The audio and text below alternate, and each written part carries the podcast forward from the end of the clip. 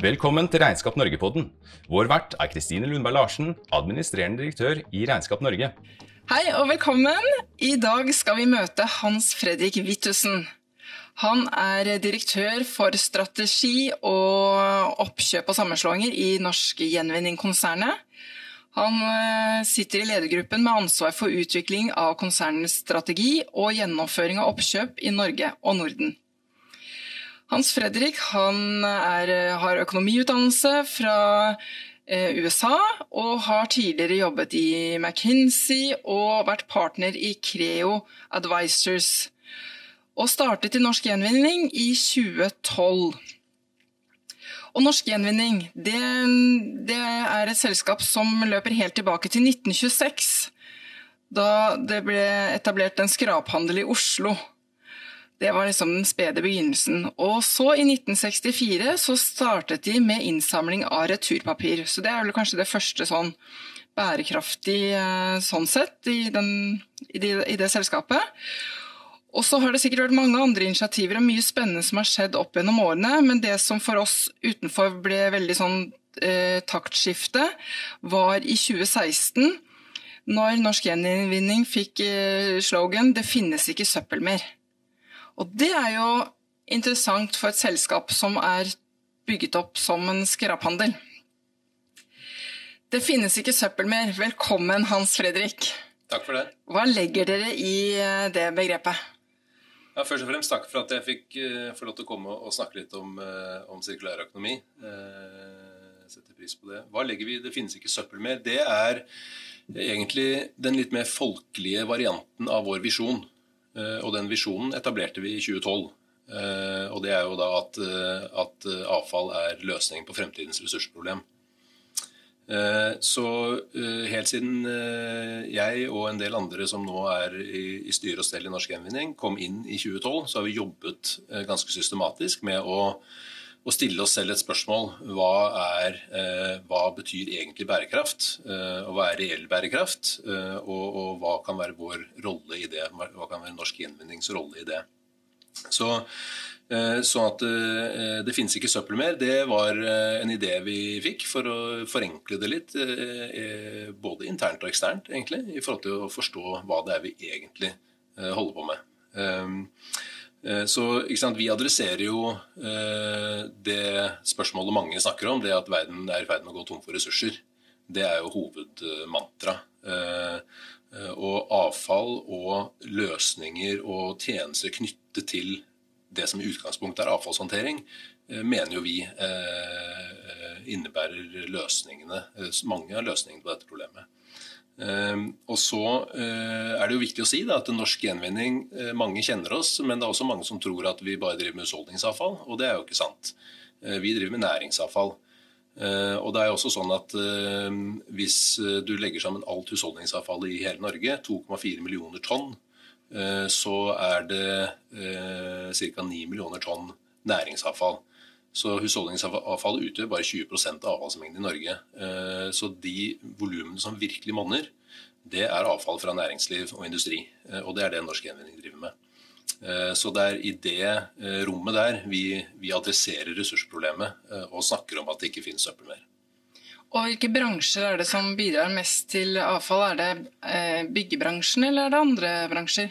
Bygg og anlegg er eh, kanskje den store, eller i hvert fall en av de største. helt klart. Eh, så vi vet jo det, at de, de bruker mye eh, ressurser og materialer i, til å sette opp sine bygg og, og bygge sine anlegg.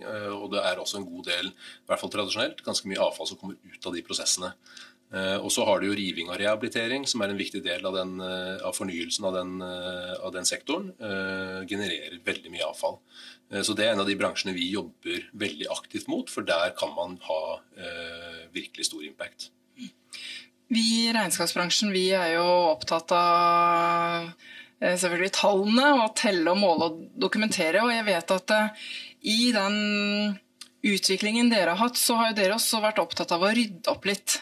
Og få system og struktur på ikke bare eget selskap, men dere har vel tatt litt sånn ansvar for hele bransjen? Kan du fortelle litt om den utviklingen? Ja, det har vært litt av en reise, egentlig. Vi, vi pleier å si da, at vi, vi, kom inn i 2012 Eh, da var eh, norsk gjenvinning og avfallsbransjen som sådan eh, allerede en veldig bærekraftig bransje. Du var inne på det, man startet jo med gjenvinning av returpapir for mange tiår siden. Jern og metaller. Altså den opprinnelige skraphandleren på hjørnet. Det, det var jo gjenbruk og gjenvinning. Så det er jo en underliggende bærekraftig forretningsmodell. Men som ikke har vært drevet på en veldig bærekraftig måte. Eh, så det var eh, mange aha-opplevelser vi fikk da vi kom inn. Ehm, og man skal huske at Det som skjedde i 2011, var at Altor, altså et private equity-selskap, kjøpte Norsk Gjenvinning. Eh, da var det eid av et fransk børsnotert konsern, Violia. Og før det hadde det blitt bygget opp på norske hender som en familiebedrift helt siden 1926.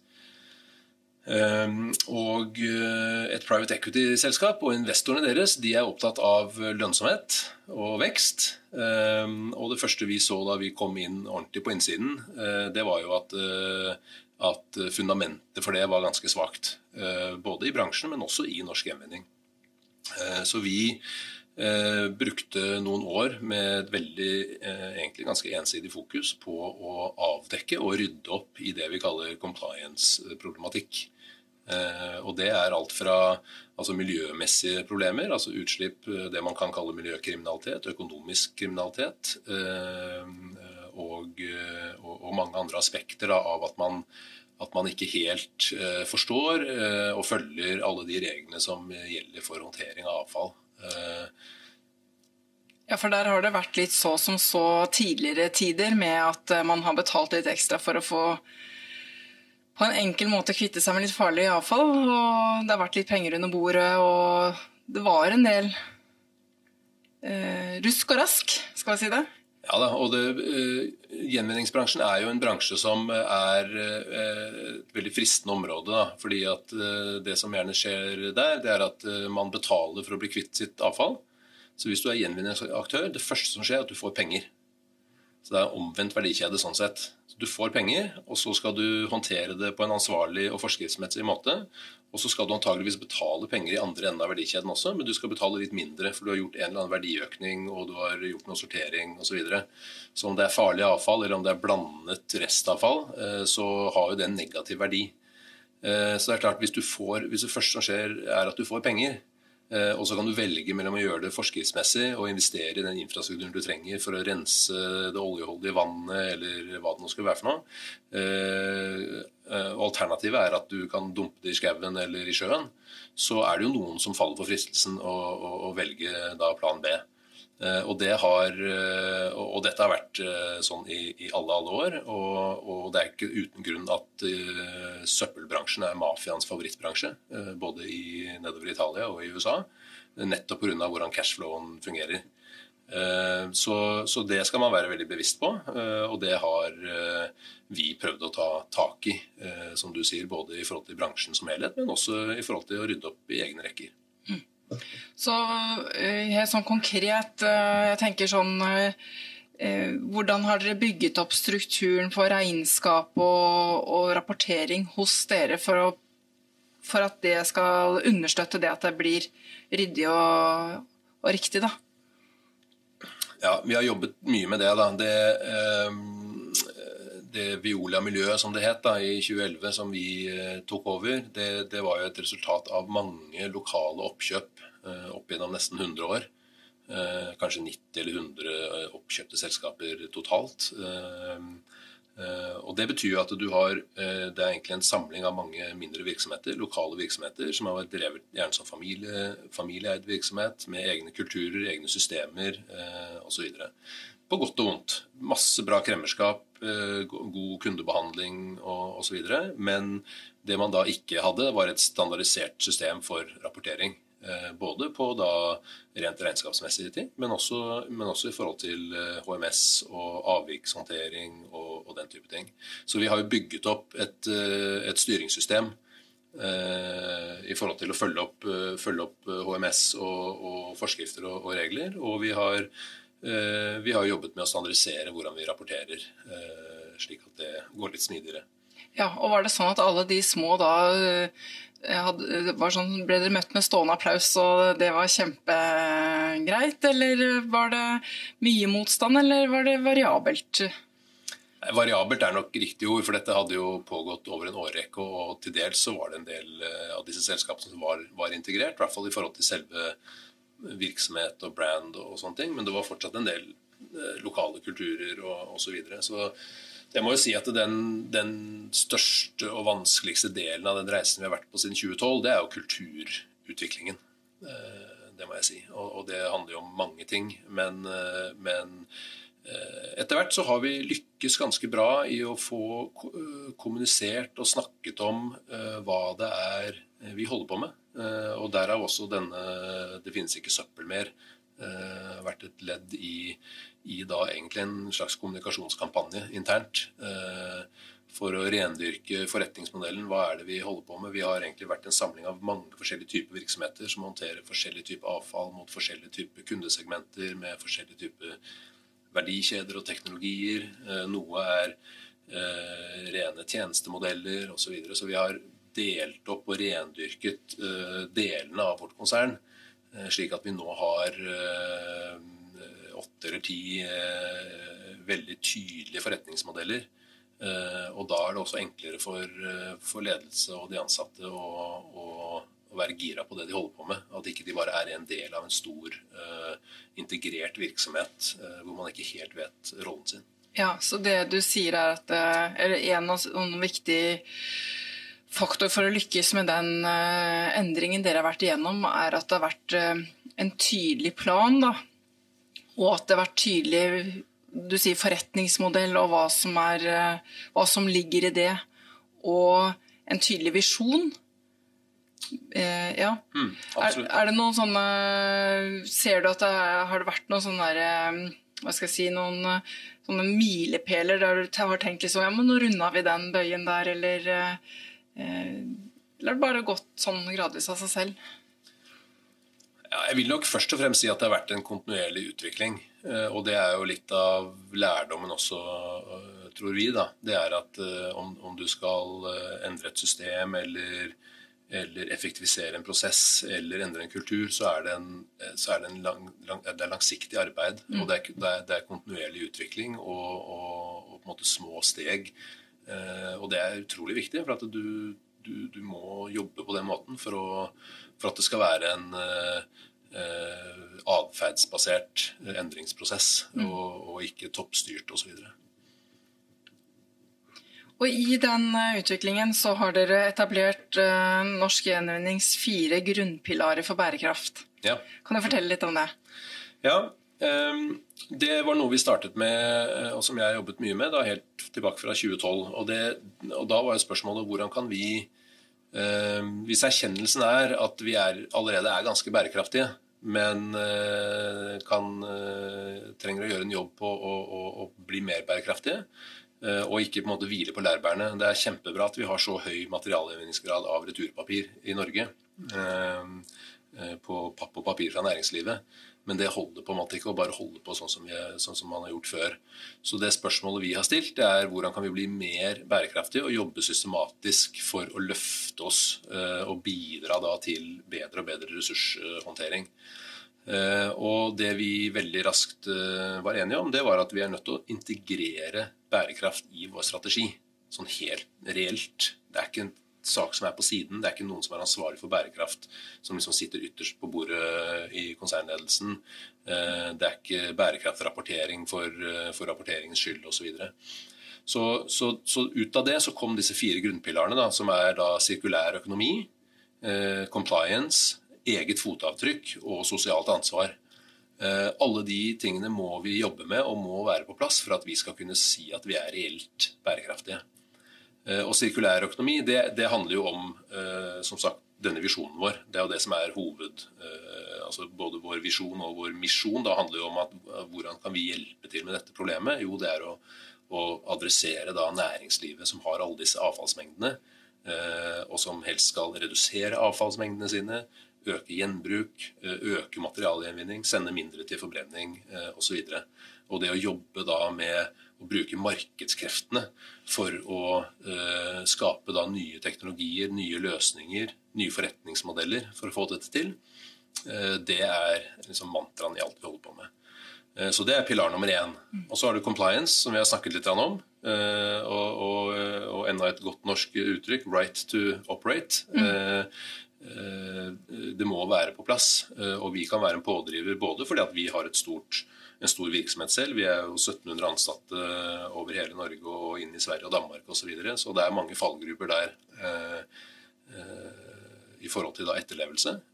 Og, og vi har jo prøvd å påvirke hele bransjen eh, til å, til å ha mer fokus på dette her, og myndighetene osv. Så, videre. Eh, så det må man ha.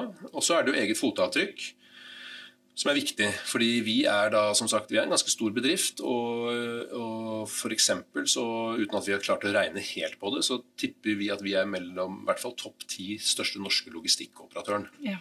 Mm -hmm med både egne kjøretøyer og innleide uh, underentreprenører osv. som både driver med logistikk på innsamlingssiden og, og på å kjøre ut av resirkulerte råvarer til våre kunder i hele verden.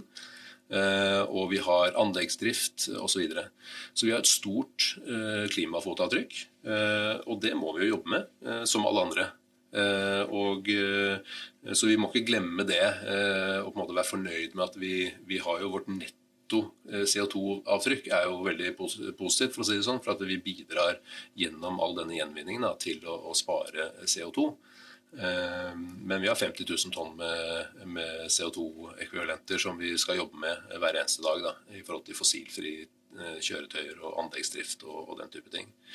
Og så er det sosialt ansvar som er den fjerde. og den det handler egentlig om at vi, vi er en såpass stor virksomhet, og, og den typen virksomhet vi driver, eh, og, eh, og, det, den tilstedeværelsen vi har i de lokalsamfunnene hvor vi er, eh, gjør at vi har en plattform for å kunne bidra. Og, og måten vi først og fremst prøver å bidra på, det er i forhold til inkluderende arbeidsliv, i forhold til å ta inn Vi har samarbeidet med, med Nav og andre, andre deler av, av, samfunnet på å, å, ta inn eh, arbeidskraft som ellers har falt utenfor, og, og en del sånne ting. Eh, så, så, så det er den fjerde grunnpilaren. Så dere har jo Ja, vi snakker ofte om trippel bunnlinje, men her er hva skal jeg si Ja, dere har i hvert fall trippel bunnlinje. People, profit, planet. At dere tar med dere ser hele bildet. Og det er jo utrolig interessant at dere har satt det sånn i system. Og som du sier, ikke bare at det er noen som er bærekraftsansvarlig. Det er jo bra det at flere og flere virksomheter får det, og det er mange store virksomheter som har hatt, eh, jobbet med det i, i mange år. Men at det faktisk er en del av businessen. Det er en del av strategien. Hvordan dere tjener penger, er på en bærekraftig måte. Og det er jo det vi tror, eller håper og drømmer om, at i fremtiden så er det sånn vi gjør business. At vi eh, ikke trenger å snakke om sirkulære forretningsmodeller eller bærekraftige forretningsmodeller. Det er forret fremtidens forretningsmodeller, egentlig. Så, ja. Ja, helt enig i det. Og, og, det er derfor det er så spennende å jobbe inn mot næringslivet. Fordi at uh, når vi har diskusjoner med Og det er veldig veldig mange offensive som du sier, aktører på dette her, og, og, og, som har vært det i mange år. Uh, store aktører både innenfor bygg og anlegg og, forbrukervarer og, og osv. Man kan nevne veldig mange, og som er veldig gode samarbeidspartnere av oss. Og det som er litt spennende, det er når man måtte stiller det litt sånn retoriske spørsmålet uh, Er du en del av løsningen, eller er du en del av problemet? og og, og, vår rolle er jo gjerne å være en slags katalysator, en edderkopp i nettet, mellom, eh, mellom, næringslivets aktører. Eh, for det er noen som er produsenter, det er noen som er eh, konsumenter. Eh, man er forskjellige deler av en verdikjede, av en materialstrøm. Eh, og, eh, og, og da er egentlig disse spørsmålene rundt ressursforbruk, ressurseffektivitet, eh, CO2-avtrykk osv. Det er jo helt integrert i driften eh, til enhver virksomhet. Mm. Og, og, det er utrolig spennende og veldig inspirerende når man merker at det virkelig begynner å, å ta tak, og at det er høyt på agendaen. Det er ikke, det er ikke et innkjøpstema, og det er ikke et compliance-tema osv. Det er et Eh, toppledertema mm. i forhold til å ha en robust forretningsmodell. Ja, og jeg, når jeg jobber med den tematikken, og vi jobber i den sirkulære regnskapsklyngen med caser og, og følger med på hva som skjer ute i verden, så må jeg si at jeg blir veldig eh, ved godt mot, vil jeg si, når jeg ser hva som skjer i FN-sammenheng, og ikke minst i EU. Det er jo så utrolig konkrete handlingsplaner. Det er konkrete mål, og de tar industri for industri, bransje for bransje. Det, nå er vi virkelig i gang med det grønne skiftet, opplever jeg. da. Hvordan ser du på det? Eh, veldig enig i det. Eh, jeg må jo si at i hvert fall fra vår erfaring, og som har hatt veldig, og personlig da, hatt fokus på dette eh, da siden 2012, da, i åtte år, så har jo min opplevelse vært at, at uh, i hvert fall i Norge så er det egentlig næringslivet som har gått først, og så kommer myndighetene litt etter.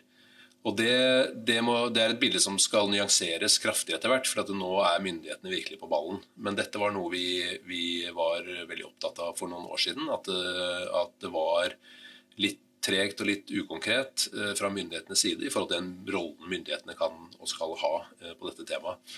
Men det kommer. Men det som er veldig, det som er veldig spennende, og som alltid kommer til å være det viktigste, det er at, at næringslivet uh, går i bresjen for dette her. Og det er jo bare logisk, for det handler jo om til syvende og sist å, å, å, bygge virksomhet, skape arbeidsplasser, tjene penger, ha robuste forretningsmodeller.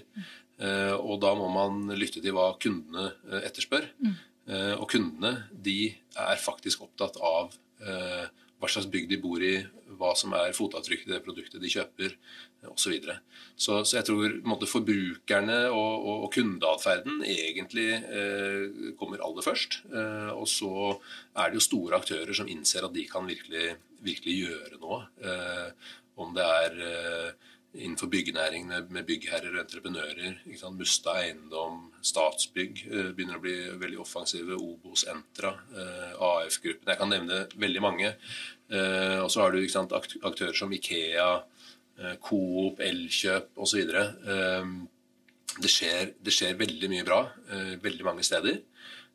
Og, og nå og nå begynner det å, å, hva skal jeg si, klinge veldig godt sammen med da, etter hvert som myndighetene blir mer og mer konkrete og spissede da, i tiltak og, og, målsettinger og krav og rammevilkår. Mm. Uh, så istedenfor at man snakker om sirkulær økonomi og uh, osv. i litt sånn brede ordelag, uh, så kan man bli mye mer spisse på akkurat hvor det er man skal inn og, og løse problemene, og, eller løse opp i floker, da, som gjerne er mm. barrierer da, til, til bedre sirkulær økonomi. Mm.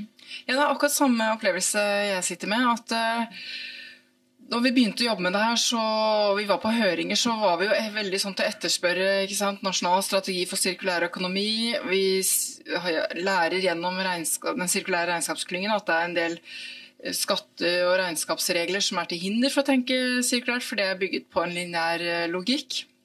Og det må selvfølgelig på plass. Men akkurat som deg så ser jeg det at det, det, der de som virkelig går foran, det er de store selskapene. Og de rydder i, i, egen verdikjede, og da stiller de også nye krav til underleverandørene. Og Der kommer alle de små og mellomstore norske selskapene inn som underleverandører til de store, og til kommuner som også setter seg veldig tydelige klimamål. Og disse små og mellomstore de er jo kundene til regnskapsføreren. Regnskapsfører, eh, altså regnskapsbransjen leverer tjenester til rundt litt i overkant av 400 000 virksomheter. Dvs. Si at ca. 70% av norsk næringsliv bruker en ekstern regnskapsfører. Så den, vår bransje er veldig sånn tett på det som skjer der ute hos det vi kaller SMB-markedet. Og der tror jeg, som eh, du sier, ja, én ting er forbrukerne og kundene begynner å stille en del spørsmål, og de, og de stiller det særlig til de store som er veldig over, over, er våkne på endringer og trender i forbrukeratferd. Så er det interessant de unge talentene, de som er nyutdanna, det har jo dere merket. Plutselig så har Norsk Gjenvinning kommet liksom på topp på sånne selskaper hvor man gjerne vil jobbe. Og det var det jo ikke for noen år siden. Og det, er jo, det skal man tiltrekke seg talentene i fremtiden, så må man jo ha en bærekraftig virksomhet, for ellers så vil jo ikke flinke folk jobbe der. Så det er også sånn driver. Og så er det det du sier med Ja, det er jo klimarisiko og ressursmangel, det er jo én ting, og så kommer lover og reguleringer. Og, og sånn som vi har liksom observert eh, og, og, i dialog med Virke, som eh, jo jobber mye med bærekraftig handel, så er det liksom forskjellige nivåer på hvordan virksomhetene tilnærmer seg det her. Noen er jo bare opptatt av at de ikke bryter loven, så de som holder seg innenfor lover og regler. Og jeg tror at med de nye lovene og direktivene som kommer fra EU, så vil det være mange som får egentlig nok å gjøre med det. For det kommer masse nye lover og regler i årene fremover. Og så er det de som velger å være, ha en litt mer aktiv tilnærming til det, så gjør det enten mindre skade eller gjør det mer positivt. Men så er det sånne som Norsk Gjenvinning, som er, vi tenker er liksom øverst i pyramiden der, som integrerer det inn i sin strategi, eller bygger, altså innoverer i strategien sin og forretningsmodellen sin, sånn at det er en integrert del av hvordan å drive business.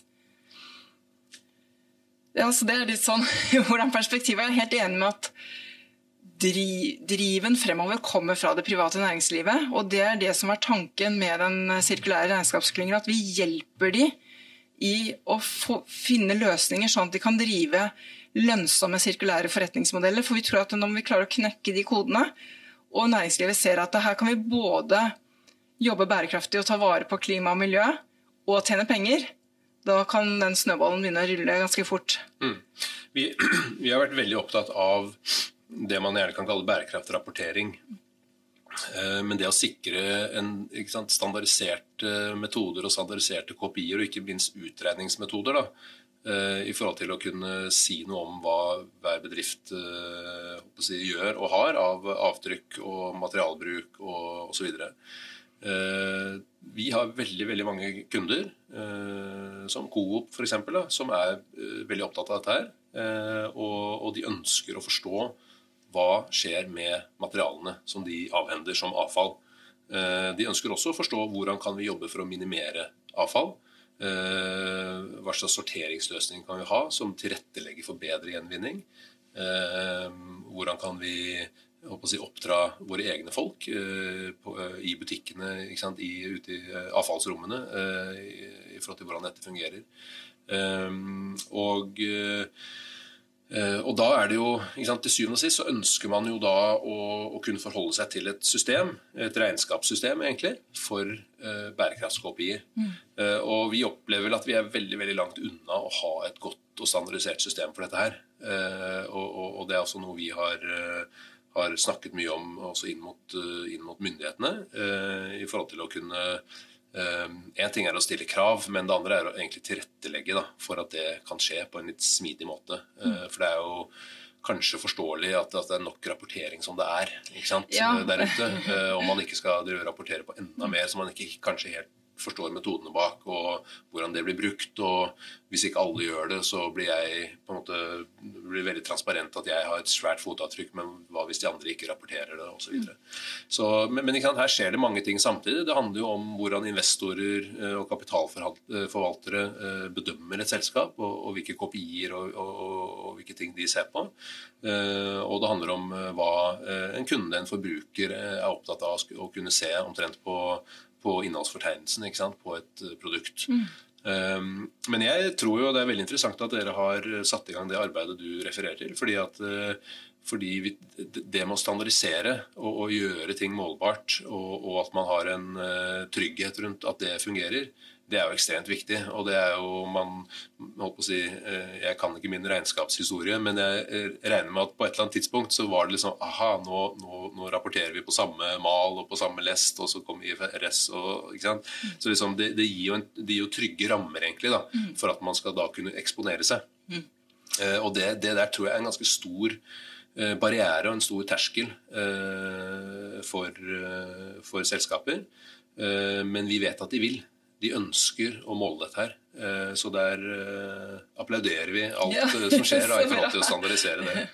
Ja, for det er det vi, vi sitter jo litt i et sånt dilemma, fordi i veldig mange sammenhenger så er jo Regnskap Norge på barrierene for å gjøre det enkelt å drive nærings, privat virksomhet i Norge. ikke sant? Vi, da det var de nye reglene rundt uh, naturalytelser osv. som er veldig byråkratiske og førte til veldig mye merarbeid, så er det klart at vi det har vi utfordret myndighetene på. At, eh, at må, man må ikke drukne i byråkratiske ordninger og tilsyn og osv. Så, videre.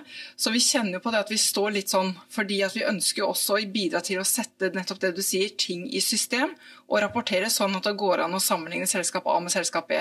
Og det er jo litt sånn som når det gjelder lover og regler for øvrig. ikke sant? At når du driver en skikkelig virksomhet, gir ordentlige lønninger, betaler skatt og arbeidsgiveravgift, merverdiavgift sånn som du skal, så er jo det en kostnad.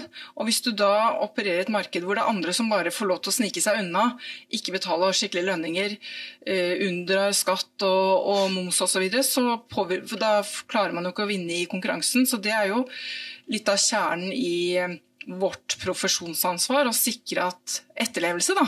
At eh, alle følger de samme reglene og, og rapporterer skikkelig på det. Sånn at det er en fair konkurranse der ute, og at eh, velferdsstaten sånn sett ruller og går. da, ikke sant?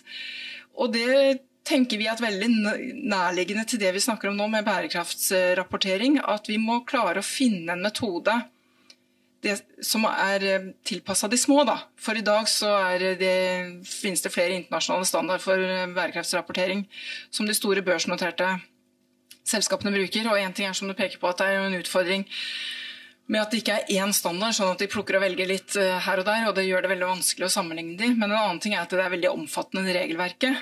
Så der har vi jo vi valgt, som vi snakket om før vi begynte med podkasten, at, eh, at, vi samarbeider med, med, vår søsterforening i Sverige og Finland og med danskene som observatør på å utvikle en nordisk standard for bærekraftsrapportering for små og mellomstore.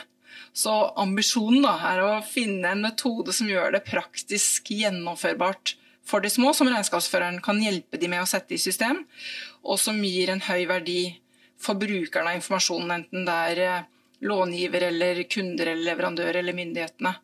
Så det å få satt det i system tror jeg også som deg er kjempeviktig, sånn at vi også konkurrerer på like vilkår, og det er forutsigbart. Og vi sikrer at uh, vi måler det som faktisk uh, betyr noe, da. Ja. ja det er kjempebra. Det er veldig bra. Og så tenker på En annen ting som også er viktig i forhold til det regnskapsmessige, er jo, er jo litt sånn eh, det å, det å, sette verdi på, på, på si, varer i omløp og på varelager. Eh, fordi det som er avfall for én, det kan jo være en ressurs for noen andre. Mm. Eh, og det er jo på en måte, det er jo egentlig hva skal jeg si, kjernen i vår forretningsmodell. Det er jo nettopp da å, å, å, å drive en slags verdiskapning på disse ressursene. slik at de kan brukes om igjen. Eh, og bli til det som vi kaller resirkulerte råvarer, da, hvis man tenker på da selve materialgjenvinningsdelen av det. Um, og, og vi, jobber, vi, jobber, jo mye med gjenbruk nå, og stiller spørsmål rundt hvordan kan man sikre mer gjenbruk. Gjenbruk betyr jo da at det ikke blir til avfall. altså Rent sånn formelt at, at ikke en vare blir til kategorisert som avfall, men at det skal brukes igjen. Eh, og det er også, Der er det også mange egentlig helt naturlige hva skal jeg si, hindringer eh, på veien i forhold til hvordan ting har blitt eh, drevet før. Um, innenfor bygg og anlegg så, så, er jo dette et kjempeviktig tema. Det er jo ekstremt mye som kunne gjenbrukes hvis man bare tok tak i det på riktig måte. Og det er jo alt fra da hvordan man eh, på en måte verdsetter eh, den type produkter og varer, til da forskrifter, byggeforskrifter i forhold til hva slags byggemateriale man kan bruke for å sette opp et nytt bygg. Og der har man jo også en vei å gå da, i forhold til å, å kunne få godkjent da, å bruke noe som har vært brukt, og som da ikke, er nytt, og som har den og den type godkjenningen uh, osv. Så, så, så Så dette er jo ting som vi eh, tar tak i nå. Jobber sammen med mange toneangivende aktører på det da, innenfor uh, bygg og anlegg, og, og spesielt hos byggherrene. eh, som jo ønsker å bruke mer gjenbrukt og resirkulert vare i sine bygg. Vi vet jo, vi ser jo mye til Nederland. De er veldig ambisiøse eh, på mange områder av, av sirkulærøkonomi. Og, og, har begynt å sette mål og stille krav til bruk av, av gjenvunne ressurser eh, i bygg. Eh, og, og, det har vi veldig tro på. Eh, og vi jobber med det egentlig eh, daglig. Eh, både i forhold til masse spennende gjenbruksmodeller. Teknologier for hvordan du gjenbruker et helt bygg, et helt bygg istedenfor å rive det ned og bygge opp et nytt, f.eks. Det er liksom bedre eh, effekt på fotavtrykk og ressursbruk kan man jo ikke ha. ikke sant?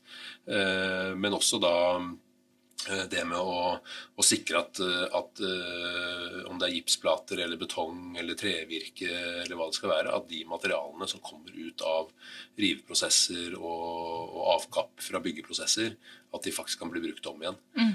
Men det, det å, å, da få økonomien til å gå opp på dette, er jo ekstremt viktig. og vi vet jo litt om hva verdien av dette er og kan være. Og vi spiller denne katalysatorrollen mellom en, en, byggherre og en materialprodusent. Eh, F.eks. på gipsplater, da, hvor vi har satt opp en, en gipsgjenvinningsprosess eh, som tar gamle gipsplater og, og, knuser de ned, tar vekk papiret, og, og så selger vi pulveret tilbake til Norgips, og så produserer vi gipsplater. Ja. Um, og det er jo det er et ekstremt konkret eksempel på sirkulær økonomi da, uh, som vi er veldig stolt av å kunne fortelle om. Eh, vi, på, vi, startet den fabrikken for to år siden. Og, og, og, og dette er noe alle kan forstå. Du river ned en gipsplate, eh, og tidligere har den gått på deponi. Eh, og ligget og, på en måte, Det er avrenning og det er alt mulig rart. Og så ønsker jo egentlig byggherrene å ha mest mulig resirkulert råvare i sine byggematerialer. Og gips er evig gjenvinnbart ja. så lenge man noterer det riktig. Disse, altså dette pulveret. da. Ehm, så, så, nå har vi en eh, fabrikk nede i Holmestrand, da, som, eh, og det oppstår 100 000, nærmere 100 000 tonn med avfallsgips i Norge i løpet av et år. Fy søren. På byggeplasser i forbindelse med bygging, riving og også litt avkapp eh, i produksjonsprosessen hos Norgips og Gyproc. Det er de to gipsplateprodusentene som vi har. Uh, og, uh, og, alt det uh, burde kunne gjenvinnes. og akkurat nå så takter vi på ca. 50 000 tonn i året som vi gjenvinner. og det pulveret går tilbake til Norgips. de Uh, skal jeg passe meg for å ikke si helt feil, men, men du kan ikke lage en gipsplate av bare resirkulert gipspulver. Men du kan bruke 10-15-20% av resepten kan være gjen, gjenvunnet gips. Mm. Og det er i hvert fall en god start. Og så kan jo de jobbe med å tune den produksjonsteknologien til å kunne ta mer og mer gjenvunnet vare. Uh, og det er jo litt spennende når du, når du, står og bygger på en byggeplass, og så er det avkapp fra gips, og så har de lært seg at da legger de den gipsen i en egen container, sånn at det ikke blir blandet og så fraktes den til Holmestrand. Og så kverner vi den, og så går pulveret til Norgips, og så produserer de en gipsplate, og så kommer den gipsplaten tilbake igjen på samme byggeplassen. For så fort går det jo, egentlig. Ja. Og det er jo veldig sirkulært. Og det er også økonomisk. Fordi det er dyrere å sende den gipsplaten til deponi enn å sende den til oss. Uh, og uh, fordi at nå har vi en teknologi som gjør at det pulveret har en verdi som Norgips er villig til å betale for, som igjen går inn i en gipsplate. Eh, så, så, det er liksom et, et, et sånt uh, godt eksempel da, på hvordan vi jobber sånn avfallstype for avfallstype. Da, med mm. å løfte, løfte ressursene. Eh, og, og, for at det skal være økonomi i det, så må det være målbare kopier osv. Og, så og da er vi liksom litt tilbake til dette med ja. regnskapsføring og hvordan, ja. du, hvordan, du, redegjør for en forretningsmodell da, som, uh, som er sirkulær. Det er så mye spennende du sier nå. Så jeg får sånn ti tanker i hodet med en gang. Jeg må bare kommentere. Du nevnte Nederland, jeg må begynne der, eh, hvor myndighetene har satt krav om at eh, innen 2025 så skal alle nye bygg bestå av minst 30% resirkulerte materialer. Og Det syns jeg er helt rått, når de setter sånne tydelige mål. Og, det er eh, forutsigbart. Næringslivet får tid til å tilpasse seg. Og det er like spilleregler for alle. Og det funker, da. Det viser seg jo at de er jo betydelig mer sirkulære som nasjon enn enn en Norge. Så det er, eh, det, det er et element som du var innom. Og så er det det med altså, det som ligger bak der hele tiden, for vi kommer tilbake til det, og det er jo sikkert ikke så rart som leder for Regnskap Norge, men det med telle og måle og verdsettelse, da. For sånn som eh, modellen er bygget i dag, med hvordan man verdsetter et næringsbygg f.eks. Så jo mer du røsker ut av gamle ting og setter inn nytt, jo høyere verdsettelse får du, jo høyere leiepris får du, jo bedre vilkår får du når du låner, og jo mer avkastning til eh, aksjonærene. Sånn at helt bak under alt det vi snakker om, så er det noen sånne strukturer og økonomisystemer og finansieringsmodeller som ligger og lager rammeverket for hvordan vi forstår vår økonomiske aktivitet. Og jeg tror at vi må liksom dykke helt inn i det, og så se på hvordan verdsetter vi et bygg når det er eh, mer bærekraftig, da, og få det inn i modellene. Og så er det den, noe det du begynte med, det med resirkulerte råvarer. Fordi vi er med i et uh, internasjonalt uh, prosjekt under den Ellen MacArthur Foundation-paraplyen som går på å beskrive en standard og metode for verdsettelse av brukte materialer i balanseregnskapet. Og det er sånn som man kanskje ikke tenker på hvor viktig det er. da, fordi at I dag så finnes det ikke noen regnskapsstandard for verdsettelse av brukte materialer i balanseregnskapet. Og oppstartsvirksomheter som bygger hele sitt fundament på å være bærekraftig og sirkulære, de opplever at de kommer i tilbakevendende diskusjon med långiver om hva som faktisk er verdien på råvarelageret, og som påvirker verdsettelsen av hele selskapet. Så vi samarbeider jo både med Revisorforeningen og Finans Norge, og, og som Ida Kreutzer, som leder Finans Norge, sier, er at ja, alle vet jo at eh, den finansielle rapporteringen er et type bilde, en tolkning av virksomheten. Det er jo ikke akkurat sånn det er når vi leser årsrapporten. Det står ikke akkurat som altså, det er jo en måte å vise Det er historiefortelling på virksomheten, hvor den skal, og hvor, hvor nær en nå. ikke sant? Men det som, er, som, gjør at vi kan lene oss til det, det finansielle regnskapet når vi skal sammenligne selskaper, er at det, rapportering er underlagt de samme standardene og metodene. Vi har brukt de samme metodene for å komme frem til disse tallene vi presenterer. Og litt sånn trenger vi også på de nye elementene vi nå bringer inn ved at vi skal lukke den sirkelen, at ikke ting havner som avfall, men at det går inn i kretsløpet igjen. Så trenger vi nå noen nye standarder og metoder for hvordan vi verdsetter, sånn at vi vet når finansen og långiver skal verdsette selskapet, så vet de at ok, de tallene når de presenterer det råvarelageret, så er det kommet frem på den metoden. Så der har vi jobbet opp mot IFRS-regelverket, og vi kommer ut med et white paper nå eh, rett rundt hjørnet på en anbefaling for hvordan denne gruppa som vi har jobbet med, tenker at vi kan lage en type standard da, for eh, mm, ja. Så bra. Så bra. Nei, det, er, det, er, veldig viktig. Og, og, og igjen, da, dette med altså, bygg er jo et veldig sånn interessant felt, da, og, og med mange gode, gode eksempler. fordi Eh, der har du jo eh, mange, mange, aktører, eh, og de er gjerne litt mindre og litt sånn gründerorienterte, som, som, da har skjønt det. ikke sant? Og det, det, gjenbruk av byggematerialer, det kommer til å komme. Og, og det, men det krever en del Eh, logistikk og mellomlagring, og, og, det krever noen eh, modeller, og som gjerne da kan bruke det beste vi har av liksom digitaliserte eh, løsninger, plattformer da, i forhold til å ha oversikt over hva som fins, og, og, og, ha effektive prosesser da, for å liksom ta en dør eller et vindu eller en fasadeplate fra et bygg til et annet. ikke sant? Og det er en enorm logistikkoperasjon, og det er ekstremt tøft å konkurrere mot jomfruelige byggevarer, eh, slik som systemet er i dag.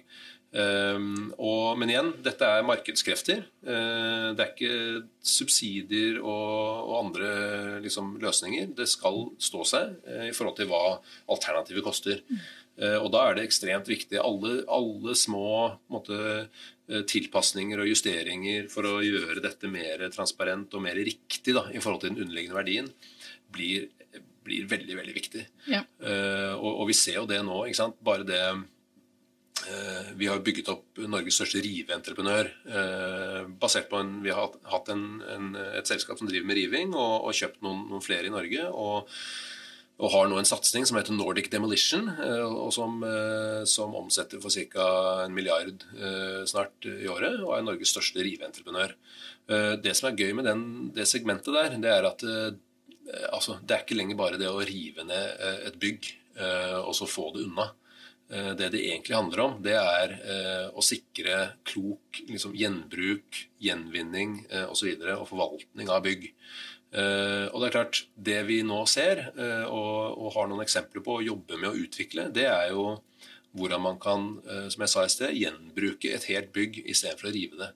For det som driver, i tillegg til det du sier om litt sånn hvordan man, hvordan man verdsetter eh, bygg forskjellig, altså av forskjellig standard og med forskjellige typer materialer Mye av det som driver behovet for å rive et forretningsbygg, det er jo sånne enkle ting som at det er litt for, eh, det er litt for lav takhøyde i etasjene. Det er litt for dårlig lys og ventilasjonsmuligheter.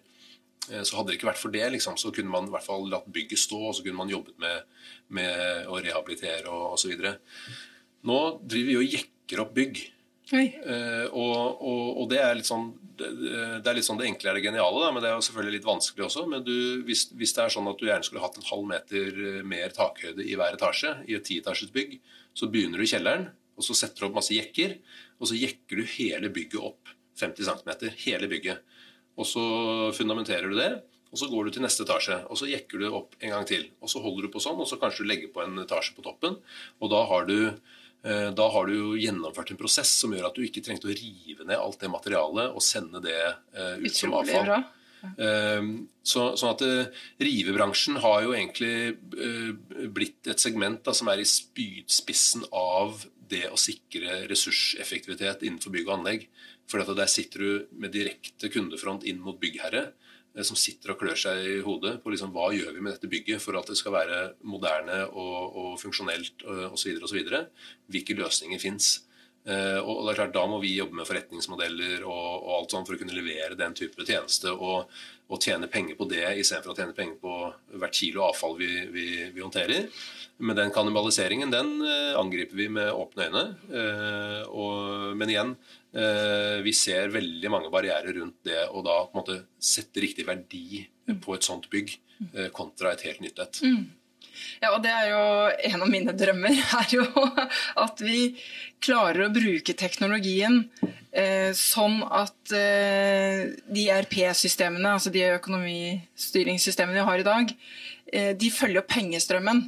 At vi kan bruke AI og robotteknologi til også å følge de den underliggende informasjonen, materialinformasjonen. Man snakker om material flow accounting. Så vi både følger pengestrømmen og materialstrømmen. sånn at når det bygget står der, så vet vi Da kan vi dokumentere ut fra ERP-systemet. Kan vi bare trekke ut all informasjon av, av hva som er i tak, vegger og gulv. Og så vet vi kvaliteten på det til neste gang noen skal rive noe eller bytte ut noe eller eh, hva det nå enn er. Sånn at man kan putte det inn i en type digital markedsplass, sånn at det kan brukes enten man kan gjenbruke det i det bygget, eller andre kan bruke de materialene. Men det er jo en, er en viktig del av den løsningen, tenker jeg, at man får en identitet på materialene. Hva, Jobber dere dere jobber sikkert med det, men uh... Ja, vi, vi, vi, har vært oppe i mange av de problemstillingene. Vi, vi, kjenner noen aktører som jobber med det også, for å nettopp tilrettelegge for uh, den type systematikk. Da, og tagge uh, de forskjellige byggematerialene eller byggedelene, og, og ha en, få til et system både for å bedømme hvorvidt et en, eller annen del, da, om det er en drager eller en dør, om den er god nok, i god nok stand til å kunne brukes videre. Eh, og så, og så, tagger man eh, dette her. Eh, og da har man i hvert fall grunnlaget da, for å ha en, en slags logistikkoperasjon rundt og, og få, få, få, få, brukt dette her videre. Um, og, uh, men igjen, da, det, det, er jo det Vi har veldig mange av disse såkalte riveprosjektene, da, eller rehabiliteringsprosjektene, som handler om å da ta ned fasadeplater og gjøre det litt mer forsiktig enn det man ellers ville gjort, slik at man kan stable de uh, på et lager og så bruke de igjen enten på det samme bygget eller på et annet bygg. Uh, sånn at det, Dette er problemstillingen vi er oppe i hele tiden. Og, og du var inne på dette med, med si, rekruttering og, og, måte uh, type, type, kompetanse og, interesser da, som, som, begynner å henvende seg til gjenvinningsbransjen. Og f.eks. i Nordic Demolition og i de selskapene vi har der, så er det jo ekstremt mange flinke, unge, ambisiøse mennesker som eh, er opptatt av akkurat det vi sitter og snakker om nå, og som jobber hos oss fordi, fordi de har lyst til å være med og finne løsninger på det. Ja. Uh, og det er jo ekstremt inspirerende. ikke sant? Og det er en fryd nå, og, uh, og det har endret seg veldig altså på, på de siste fem-seks årene. at uh, liksom, Hvor mange søkere og kvalifiserte søkere vi får på stillinger vi lyser ut. Og, og, det er mange forskjellige typer virksomhetsområder og mange forskjellige typer stillinger. Eh, men, eh, men nei, det, er, det, er, ekstremt spennende hvilken, eh, hvilken liksom, standing vi har fått da, i forhold til at vi faktisk jobber med liksom, kjernen av disse problemstillingene. Mm. Det er utrolig spennende. og det, Vi ser jo allerede tendensen at investorene snur seg mot de, de grønne virksomhetene og vil heller putte pengene der. sånn at det, Kapitalen blir jo dyrere og dyrere for de grå virksomhetene. og det er jo, eh, jeg har jo hørt om kullvirksomheter i USA som må legge ned fordi de får jo ikke finansiering lenger. Det blir så dyrt for dem, så det går jo ikke økonomisk rundt. Så Sånn sett så virker jo markedskreftene på den måten. Men som du sier òg, det er jo liksom indre altså Inni virksomheten nå så vil du jo slite fordi hvis du driver veldig miljøuvennlig, da, eller ikke har noe bevisst forhold til bærekraft og, og, og, hvordan bidra til noe positivt i fremtiden, så vil du rett og slett slite med å tiltrekke deg bra nok mennesker fremover. Sånn at du vil jo tape i konkurransen også av den grunn, ved at de bærekraftige virksomhetene får de beste hodene. Ja, nei, Vi tror veldig på det. det og det, det, ser man rett og slett. Eh, og hva slags type spørsmål eh, holdt på å si yngre mennesker, enda yngre enn oss to, eh, stiller når de kommer på jobbintervju. Eh, og vi er ute på studiestedene, og det er, om det er på NMBU eller, eh, eller ja, de forskjellige handelshøyskolene osv., så, videre, så så er det jo For det første så er jo utdanningsløpene har jo endret seg veldig i det siste, ikke sant? og med mye mer fokus på disse tingene. Og, og, og folk vet hva de er ute etter, rett og slett. Og de er ute etter å være med og gjøre en forskjell. Og de sitter jo, som sagt de, Den unge garden nå, da, de som studerer nå osv., de, det er jo de som er på en måte definisjonen av de nye forbrukerne også. Så de sitter jo med en sånn personlig liksom stake, nesten, mm. i, eh, i, i, dette spørsmålet her, sånn, som er helt annerledes enn sånn det var eh, for 10-20 år siden. Mm. Så planene til norsk gjenvinning, hva er det dere har liksom på mappa opp nå de neste si to til fire årene? Hva, hva, ser du for deg fremover? Ja, vi har masse planer. Eh, vi, eh, vi er jo eh, veldig opptatt av å holde fokus, så, sånn at det Eh, vi kommer til å fortsette med det vi holder på med, nemlig å, å se på oss selv som en, som en katalysator for, for, næringslivet, for å få til alt det, mye av det vi har snakket om her nå.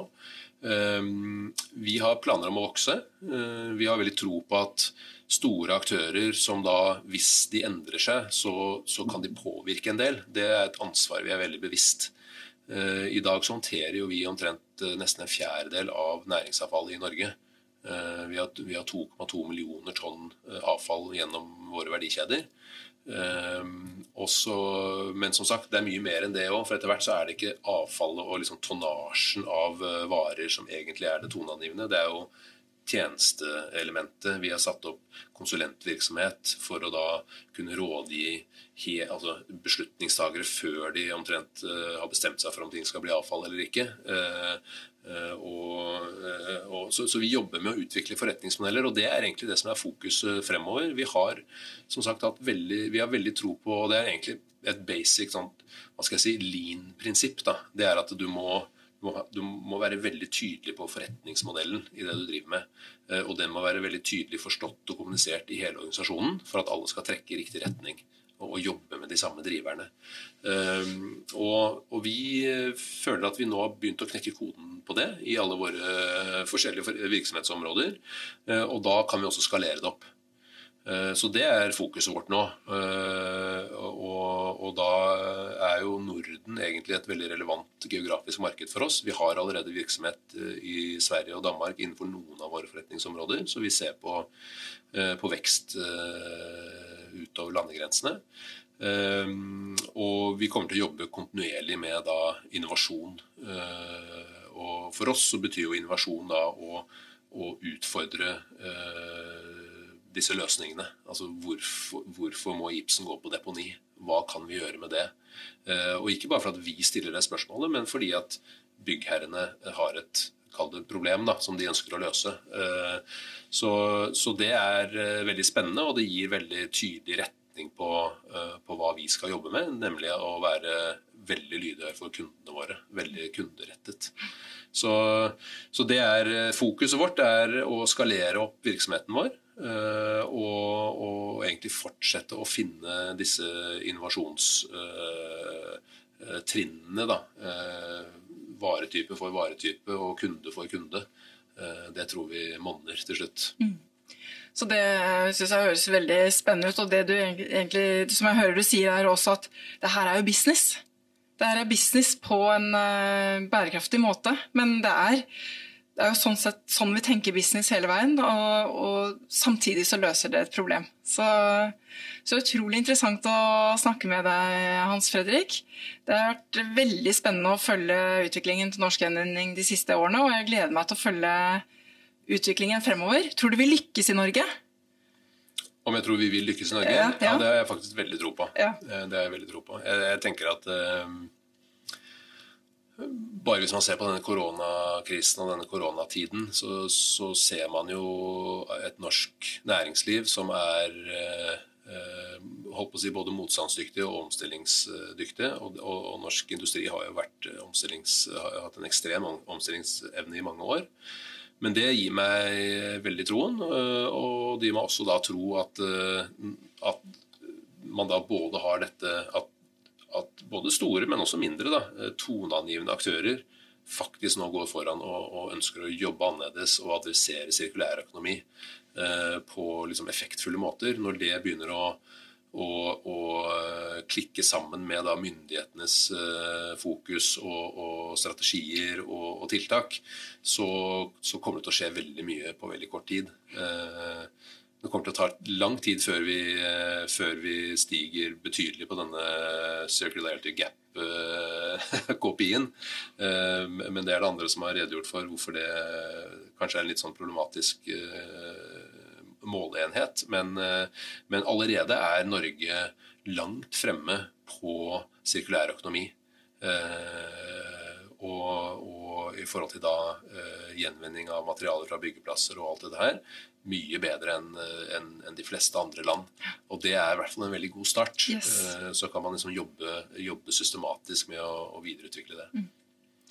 Da lar jeg det bli en veldig sånn fin og oppløftende avslutning. Jeg deler ditt, din framtidstro, og jeg tenker at uh, det blir veldig spennende å følge norsk næringsliv og norsk gjenvinning uh, fremover. Og at uh, akkurat det du sier, den derre omstillingsviljen og evnen og litt sånn dugnadsånden når vi trekker i samme retning, det gjør at jeg tror vi kan lykkes godt her i landet.